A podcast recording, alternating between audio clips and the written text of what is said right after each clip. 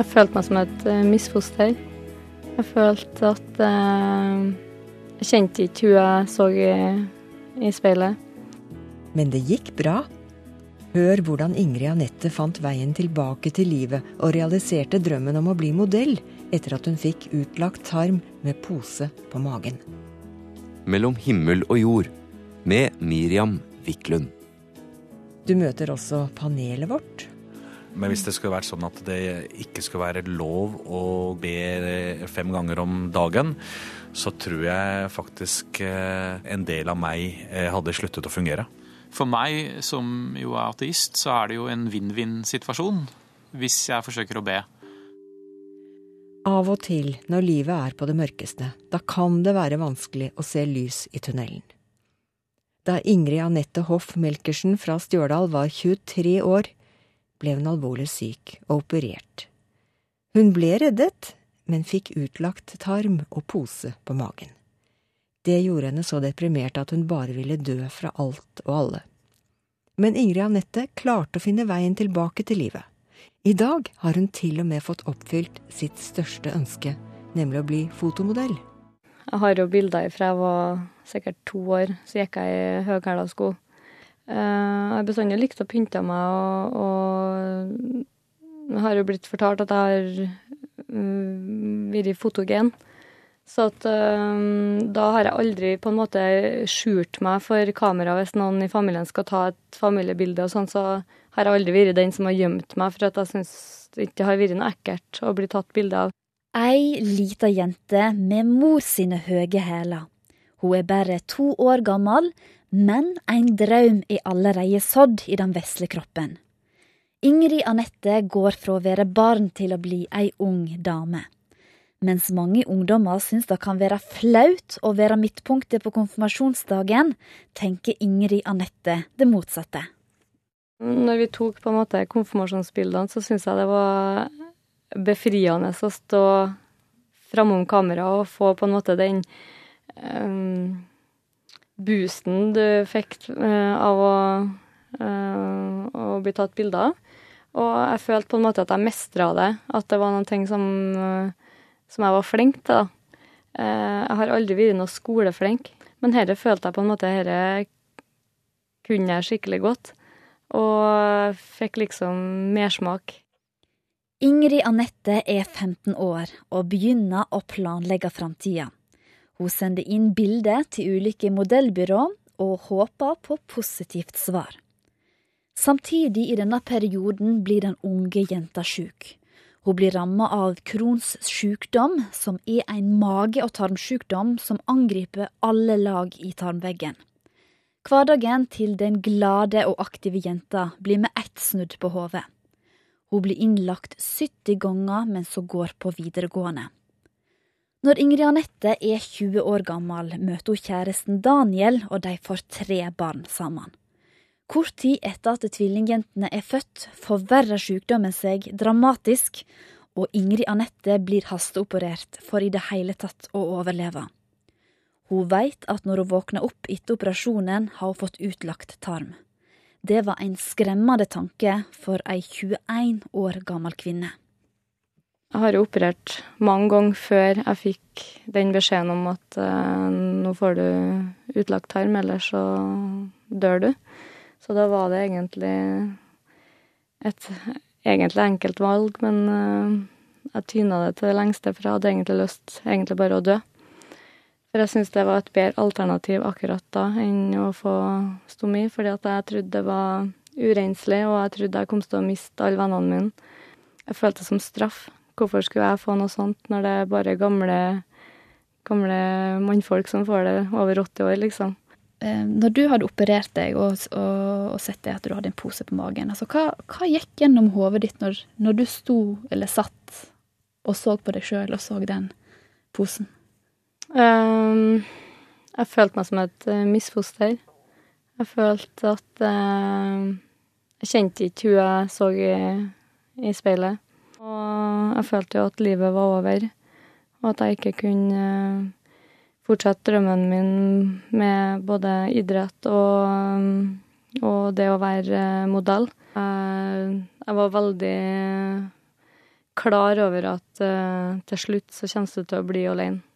For jeg, jeg, på en måte på sykehuset så sa jeg jo ifra til Daniel at jeg hadde veldig lyst til at han skulle uh, å fra meg på sykehuset, for at da var jeg allerede så langt ned at uh, jeg kunne takle på en måte at han bestemte seg for å uh, å fra meg.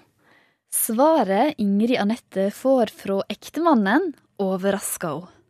Men uh, da kikker han jo egentlig bare dumt på meg, og så sier han at uh, hvis jeg hadde vært borti ei ulykke eller fått en sykdom som tilsvarer at jeg har fått utlagt tarm, hadde du bare fire fra meg, du, da? Er jeg så lite verd at en sånn liten ting skal vippe vipp den veien så at du hadde forlatt meg? Og når han sa det på den måten, så klarte jeg liksom å å åpne øynene og se at uh, Ingrid er jo ikke en stommipose. Ingrid Anette er ikke lenger redd for å miste familien, men det er fortsatt veldig vanskelig for den unge kvinna å godta posen på magen. I 2010 blir Ingrid Anette igjen alvorlig syk. Hun blir innlagt på St. Olavs hospital i Trondheim og blir værende der i ni måneder. I disse månedene skjer det noe med Ingrid Anette.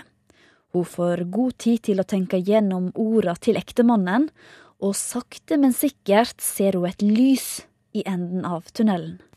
Eh, vendepunktet er, jo om du bestemmer deg for at du skal være den syke, eller om du skal være eh, og bli godtatt som den normale. Og eh, for meg så var det et enkelt valg. Jeg ville ikke være den syke Ingrid, jeg ville uh, være den normale, uh, vanlige Ingrid. Mm. Og da betyr ikke sykdom eller stomipose eller fordommer eller bygdetroll noen ting. Da, da, bestemte jeg meg for at jeg skulle leve, og jeg bestemmer over meg sjøl, så da mm. Men hva var det som fikk deg til å ta det standpunktet der? Nei, det, du, får, du må jo ta et standpunkt om du skal på en måte gi opp livet du har, eller om du skal eh, velge å gønne på videre med, med ungene og, og familieliv og, og, karriere. I perioden Ingrid Anette er alvorlig syk, legger hun òg modelldrømmen på hylla. Men etter det siste sykehusoppholdet våkner drømmen til livet igjen. Gristen er tilbake, men kan virkelig hun som så på seg sjøl som et misfoster, bli modell? Ingrid Anette tek sats, og hopper i det, og får napp hos et modellbyrå i Trondheim. At Ingrid er stomioperert er visst ingen problem for modellbyrået til Ingrid Anette sin store overraskelse. De var fullstendig klar over det, og det var jo liksom ikke noe problem i hele tatt. Det var liksom sånn, ja, uh, var det et problem? jeg har uh, ikke fått noe mm, negativt i forhold til det. At de ikke sa det var noe problem, var det overraskende for deg? Uh, ja, egentlig. Hvorfor det, da? Uh, for jeg tenkte kanskje at de så på det som negativt i forhold til eh, at det er noe annerledes og litt sånn. Men mm. eh, de var jo fornøyd med modellen Ingrid, og mm. ikke på en måte den stomiopererte Ingrid. Og de syns jo at jeg er en, eh, et godt forbilde for mm. unge jenter. Mm. Ingrid vokser på denne opplevelsen, og det blir mange modelloppdrag. På bilder går det ikke an å se posen, klærne skjuler nemlig. Men en dag finner Ingrid Anette ut at hun vil ta bilder der posen synes. Hun viser meg et bilde der hun kun står i svart undertøy og har på seg ei blå strømpebukse som er tredd helt opp til skuldrene. På høyre side ser vi den hvite posen det har vært viktig for meg å vise at eh, jeg er ikke noe annerledes heller enn eh, ei vanlig dame. Eh, og jeg føler at jeg har bare fått en ommøblering på kroppen min. Ellers så er jeg av kjøtt og blod, jeg òg. Mm. Jeg blir bare så fascinert av å, av å tenke på at um, At du har faktisk eh, altså, tatt tak i det som har vært vanskeligst for deg. Det å faktisk eh, vise fram det som har vært din store sorg i livet. Den Mm. viser du til hele verden. Eh, hvordan forklarer du det at du, du gjør det? Um, nei, det drivkrafta mi var jo det at uh, Hvis jeg skal få bort de fordommene som eh, de fleste spør om, ikke sant, og, og si og, og du ser det skrives, og det er bestandig noe negativt, liksom. Eh, så tenkte jeg at da må jeg ta tak sjøl. Eh, jeg må gjøre akkurat det jeg føler jeg mangla sjøl når jeg ble operert. Og da måtte jeg bare bli brøytebil, da, og, og på en måte bare kaste meg ut til ulvene. Jeg har jo et eh, vinnerinstinkt og en stå-på-vilje, så jeg tror nok at eh, det i kombinasjon med god eh, vennekrets, familie og kjæreste, så har jeg på en måte klart å komme tilbake og blitt eh, den samme Ingrid som var før jeg ble Mm. syk, da. Og eh, da skal det liksom ikke eh, stoppe om du vil bli snekker, eller om du vil bli modell, eller om du vil bli ingeniør. Det skal liksom ikke eh, Jeg er litt for den at du må få lov til å følge drømmene dine uansett hva som skjer, og, og jeg tenker på at um, hvis du får en uh, motbakke i livet, så må du liksom finne det inni deg, styrken som klarer å få deg opp den motbakken. Uh, uh, og jeg har vært heldig å finne det. Mm, Ja, hva er, hva er det du har funnet da, som, som gjør at det har gitt deg Jeg- pågangsmot? Nei, det er litt vanskelig å si, for jeg føler at uh, dere har jeg ikke spurt om mange ganger. Om hva på en måte det er. For ikke har jeg gått til psykolog, og ikke har jeg Men eh, jeg har brukt på en måte dem rundt meg. Eh, jeg er jo flink til å prate når jeg har behov for å prate. Du sa at da du så deg sjøl i speilet eh, den dagen, eller dagene i etterkant, da du fikk pose på magen, så syntes du det var forferdelig ekkelt. Du følte det som et misfoster. Hva tenker du når du ser deg sjøl i speilet nå med posen? Nå ser jeg kanskje ikke posen. Jeg ser, jeg ser meg sjøl i øynene. Så fokuset er liksom bort fra magen. Um, Men selvfølgelig har jeg dager der alt er bare helt jævlig, og du har lyst til å bare grave deg ned. Men uh, det tror jeg alle har. jeg tror ikke det er noen som har det helt topp hver dag. Ingrid Anette Hoff Melkersen er i dag 30 år og lykkeligere enn på lenge. Hun holder til og med foredrag om det å være ung og ha utlagt tarm. Du hørte henne i samtale med Camilla Kjønn Tingvoll.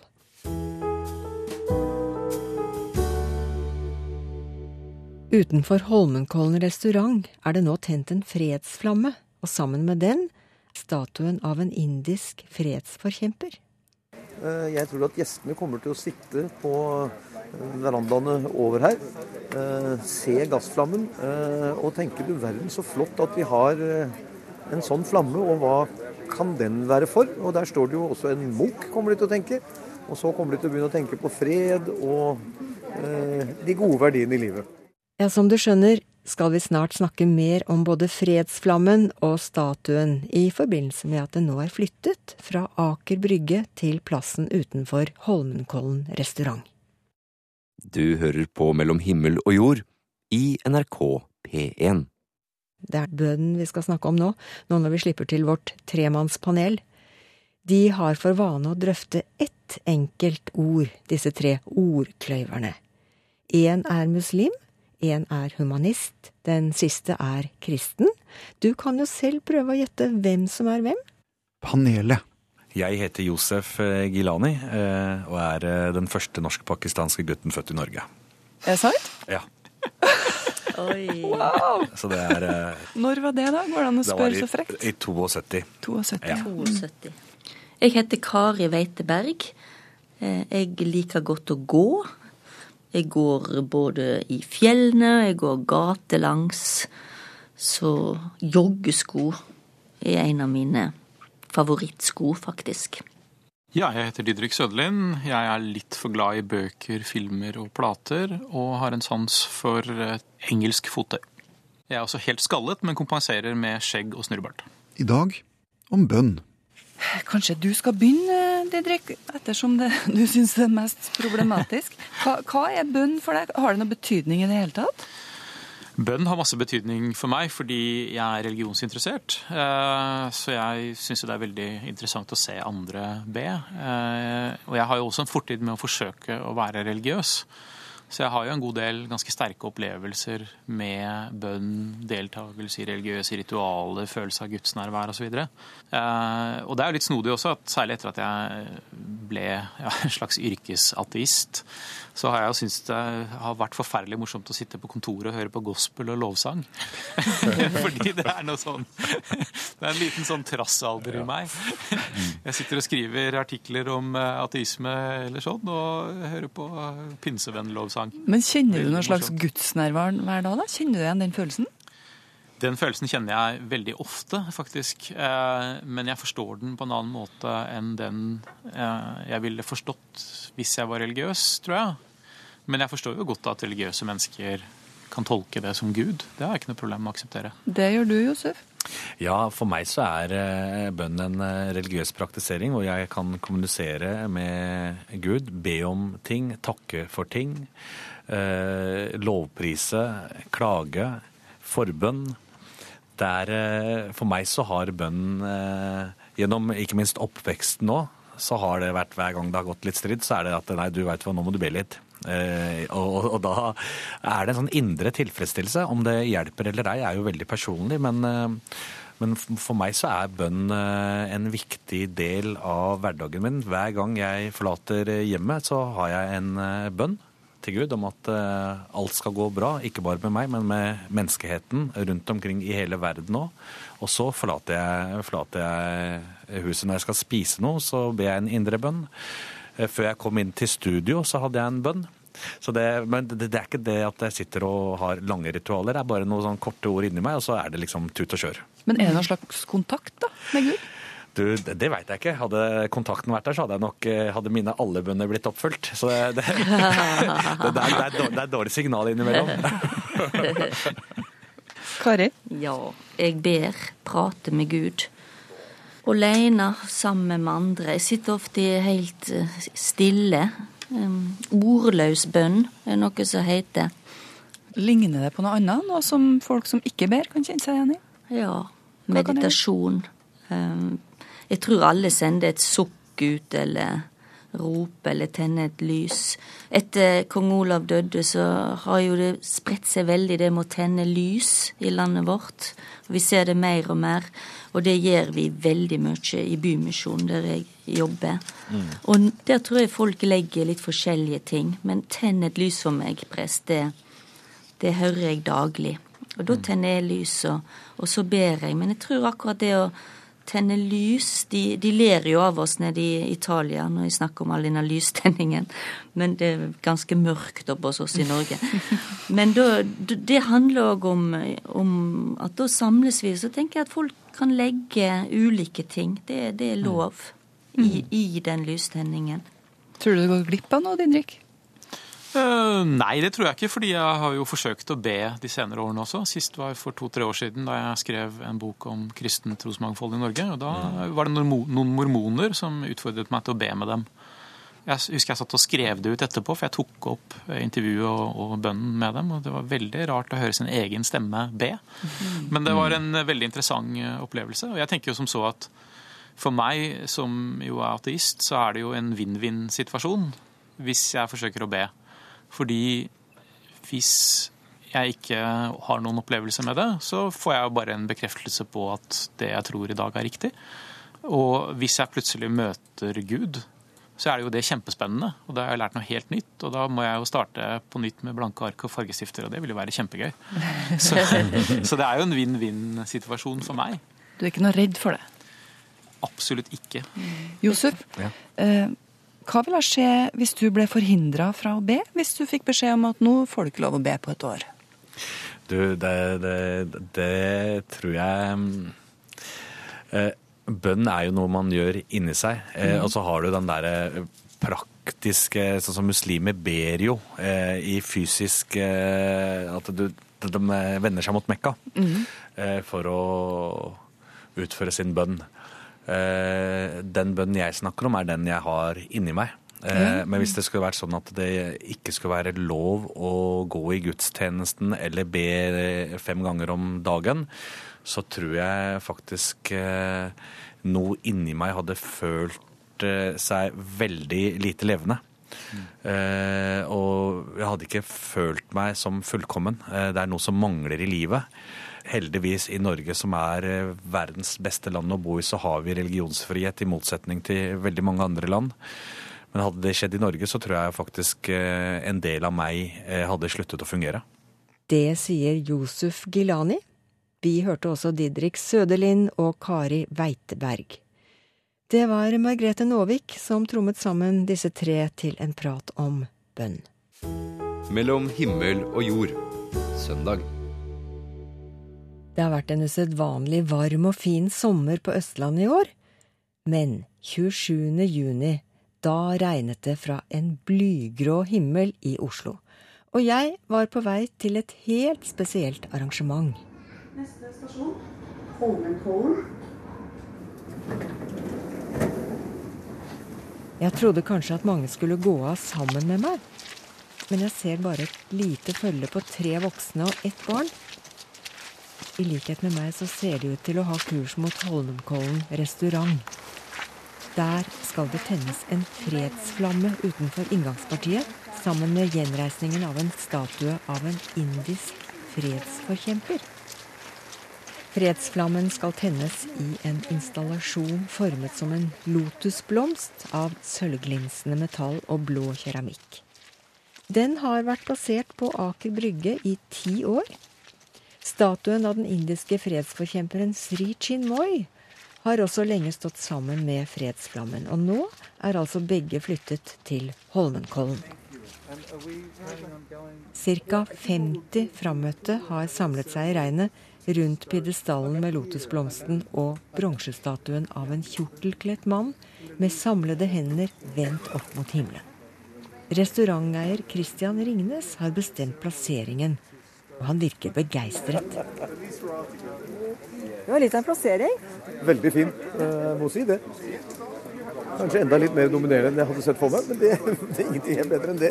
Jeg har bare sett den på bilder og på Aker Brygge, og jeg husket selve blomsten som lavere, så den blir jo faktisk mye flottere enn det jeg husket. For jeg husket den som liksom nedi et sånt lite basseng. Jeg syns det ser veldig mye bedre ut jeg, enn jeg husket. Det er en spesiell aura rundt statuen av fredsforkjemperen Sri Chinmoy. Han var personlig venn av både mor Teresa og Nelson Mandela. Besøkte en rekke av verdens statsledere og viet all sin tid til fredsarbeid. Asketen var både idrettsmann, billedkunstner og musiker. Som maratonløper etablerte Sri Chinmoy et verdensomspennende fredsløp. Han døde i 2007, og løpet blir nå holdt i hevd av hans tilhengere verden over. Den evig brennende fredsfakkelen har vært innom alle kontinenter ved hjelp av løpende budbringere. Det er flammen fra denne fakkelen som skal tenne fredsflammen i den storslåtte lotusblomsten her utenfor Holmenkollen restaurant. Christian Ringnes er glad for at han foreslo denne plasseringen. Jeg tror at alt som gjøres i positiv eh, forstand for fred, det vil bidra til at folk tenker mer på fred, og at man kanskje liksom hyller det enda mer. Eh, jeg tror at gjestene kommer til å sitte på eh, verandaene over her, se gassflammen, kanskje spesielt i vinterhalvåret, og tenke du verden så flott at vi har en sånn flamme, og hva kan den være for? Og der står det jo også en Munch, kommer de til å tenke. Og så kommer de til å begynne å tenke på fred og eh, de gode verdiene i livet.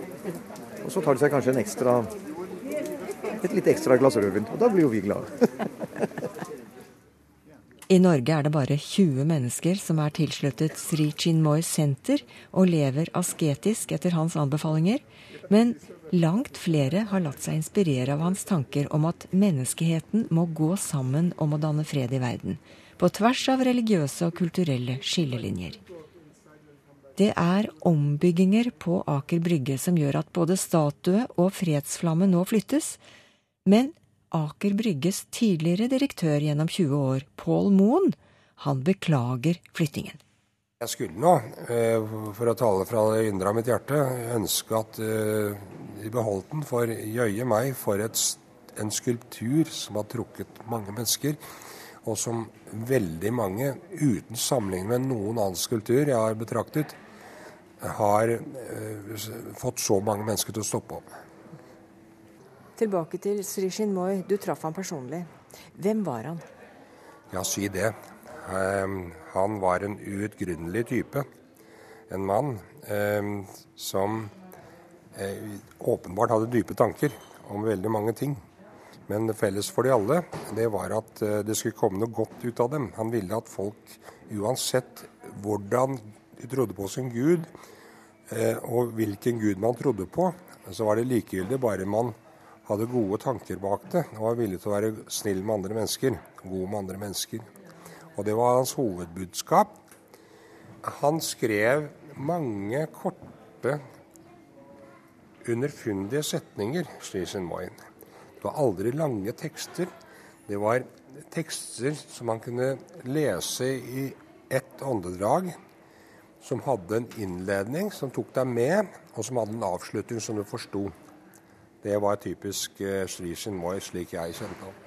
Et par små eksempler. En vanlig dag på jorden begynner ikke med håpet om verdensfred, men med frykten for verdenskrig. Med fred menes ikke fravær av krig. Med fred menes nærvær av kjærlighet, glede, harmoni og enhet.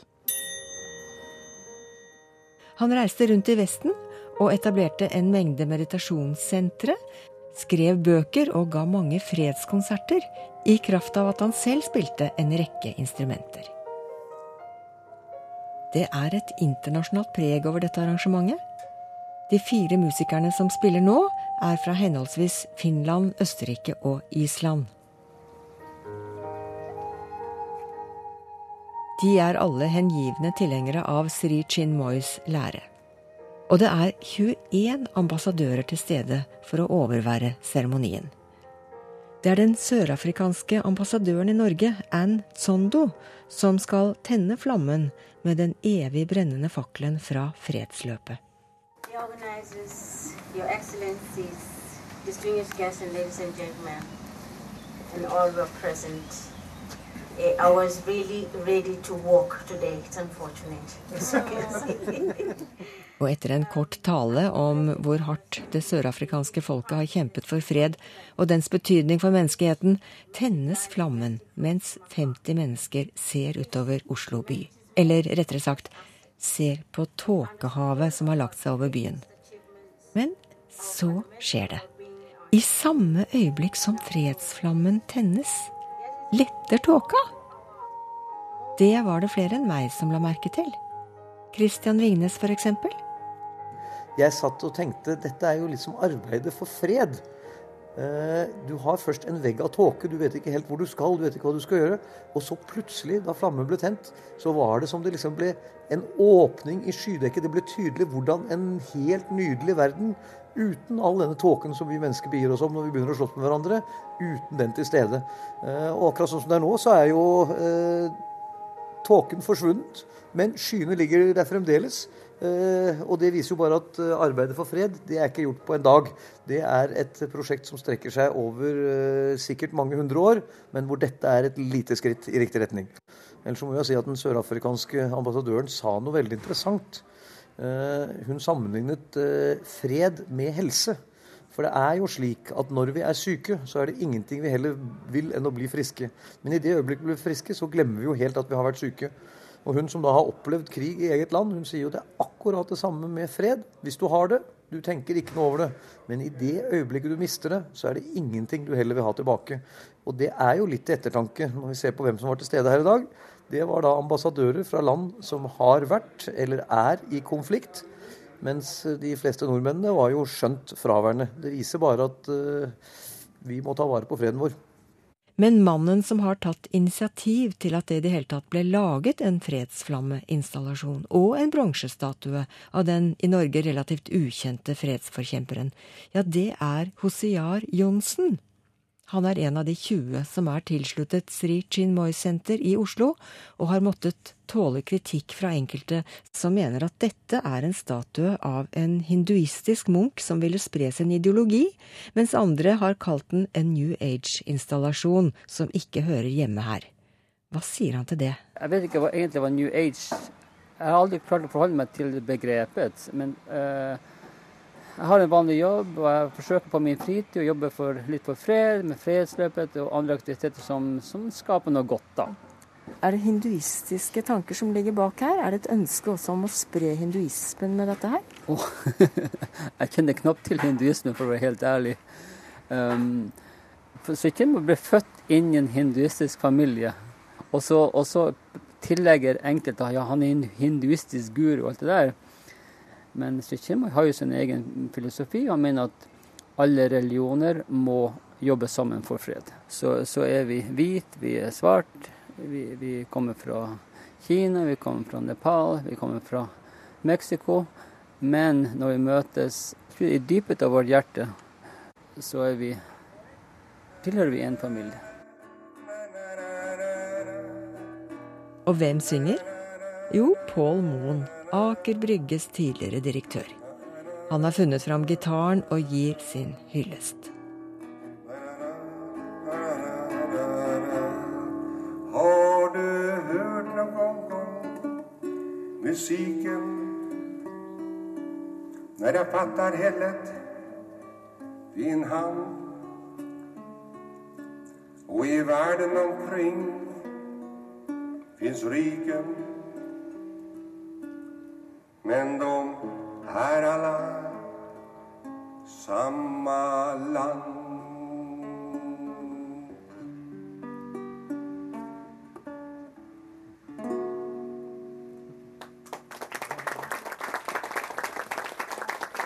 Thank you, thank you all. It's a pleasure for me being here and witnessing this. I'm so happy. Mellom himmel og jord. Søndager klokka ti.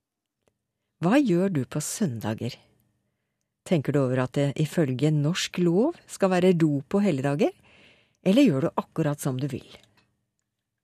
Internett flommer over av sinte diskusjonsinnlegg fra irriterte nordmenn som klager over naboen, bedriften på hjørnet, kirken eller annet som lager bråk på søndagen. Reporter Marianne Åkermann har sett nærmere på helligdagen, og tok turen ut i byen og spurte folk hva er greit å gjøre på søndager? Terskelen min på en søndag, da gjør jeg ikke noen ting. Ikke en dritt, Britt. Men uh, jeg kan klippe gresset på en søndag. Det kan jeg. Jeg gjør det ikke, men jeg kunne funnet på det. Du blir ikke irritert hvis naboen gjør det? Ikke på den tida, i hvert fall. Men hvis han begynner klokka ni på en søndag, så kan jeg finne på å bli amper. Sier du fra? Ja, det gjør jeg. ja, helst ikke klippe plen. Det syns ikke jeg noe om på en Nei. søndag. Nei, det syns jeg ikke. For da er tross alt de fleste i hvert fall er, eh, har fri og er hjemme. Hva gjør du selv på søndager, da? Eh, ofte så er vi på billøp, både med sønn og barnebarn. Så det gjør vi ja. ofte. Så sant vi kan. Nei, jeg syns det er fint å ha litt eh, eh rolig lugn og ro på en ja. søndag. Ja. Jeg er opprinnelig fra utenlands, men der også er det også litt eh, ta, eh, tabu, om man kan si det, på en søndag å lage mye lyd. Så det er helt i orden, syns jeg. Den er ikke stor, loven om helligdagsfred, men den finnes, og den sier annet at på helligdag fra 00 til 24, samt påske, pinse og julaften etter klokken 16, skal det være helligdagsfred som ingen noe sted må forstyrre med utilbørlig larm. Så med loven i hånd kan du ringe politiet dersom du blir plaget med utilbørlig larm. Hvor mange gjør det egentlig? Det hender fra tid til annen eh, at vi får det. Eh, men noe stort problem eller stor pågang eh, fra publikum det, om klager, det har vi ikke. Sier operasjonsleder Katrine Klæstad i Vestfold politidistrikt. Noen enorm pågang er det altså ikke hos politiet søndagsmorgener. I hvert fall ikke av folk som klager på naboen som klipper gresset. Men det hender. Ikke regn med at politiet rykker ut første gang du ringer og klager på naboen som bråker på søndagsmorgen. De vil nemlig helst at vi ordner opp selv. Men hvis politiet får gjentatte klager flere søndager på samme person Og har vi også kapasitet til det, så bistår vi gjerne med å ta kontakt med den personen som, som støyer, da. Eh, Men vi tar jo da en vurdering om den eh, publikum som ringer inn, har vært i kontakt med naboen selv. Eh, Og som sagt, hvis ikke det har fungert, eller om du ikke har mulighet til å gjøre det, og det er en gjentagende problem, så, og, og vi har mulighet, så tar vi kontakt. Og da løser vi ofte det bare ved å ta en prat med naboen i første omgang. Vi prøver jo på det. Og bare for å være helt klar, siden loven sier utilbørlig larm, hvilket gir rom for tolkning. Hva anser politiet er utilbørlig larm? Ja, det er helt enig. Det står jo ikke så konkret, men vi vurderer jo at det skal, være, det skal jo en litt til da, for at det skal være et utilbørlig larm. Eh, Og da tenker man høye lyder som eh, konkret forstyrrer. Da er det ikke snakk om barneskrik osv. Det skal være konkret støy som f.eks. høytrykksspyler og gressklipper osv. Men det er i stort sett ikke noe problem det med tolkningen, fordi eh, folk selv eh, opplever jo det bråket så utilbørlig at det er derfor de ringer. Ja, en søndag burde være som hvilken dag som helst, og den blir også brukt aller helst til hagearbeid og sånne typer ting, da, hvor det kanskje er den enda dagen man har fri. Og da burde folk absolutt få gjøre det man vil. Du gjør det? Ja. Loven om helligdagsfred har som formål å verne om gudstjenestelig liv og alminnelig fred på helligdager, står det.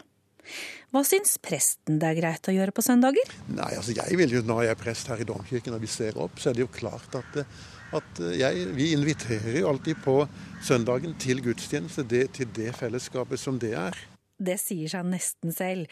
Men sogneprest i Tønsberg domkirke, Yngve Sagedal, fortsetter. Men når, når det er sagt, så, så blir jo svaret tilbake at det beste du kan gjøre på søndagen, det er jo å ta vare på deg selv, din helse, din familie og eh, relasjonene. Og så er det noen ting man selvsagt kan gjøre òg. Jeg mener nå det finnes stille aktiviteter. Tur i skog og hei, som det heter. Nistepakke. Men å starte motorklipperen, det syns jeg ikke er noe hyggelig. Jeg gjør det selvsagt ikke det selv. Setter ikke pris på at naboene gjør det. Du, De som bor i nærheten av kirken, de vil jo kanskje Ja. påstå at det er dere som bråker på søndag? Ja, det er riktig, men det er på en måte ikke støy. Klokkeklang har jo en tradisjon. Det hender jo det at vi får eh, klager, og det må vi jo ta. Men det er lov. Det er faktisk lovlig. En lovlig eh, lyd. Ja. Det var siste innslag i Mellom himmel og jord for denne gang. Hvis du har noe du vil si oss, så kan du sende oss en e-post til Himmel og jord, krøllalfa, nrk.no. Og selvsagt kan du også benytte deg av posten. Mellom himmel og jord, NRK 7005 Trondheim.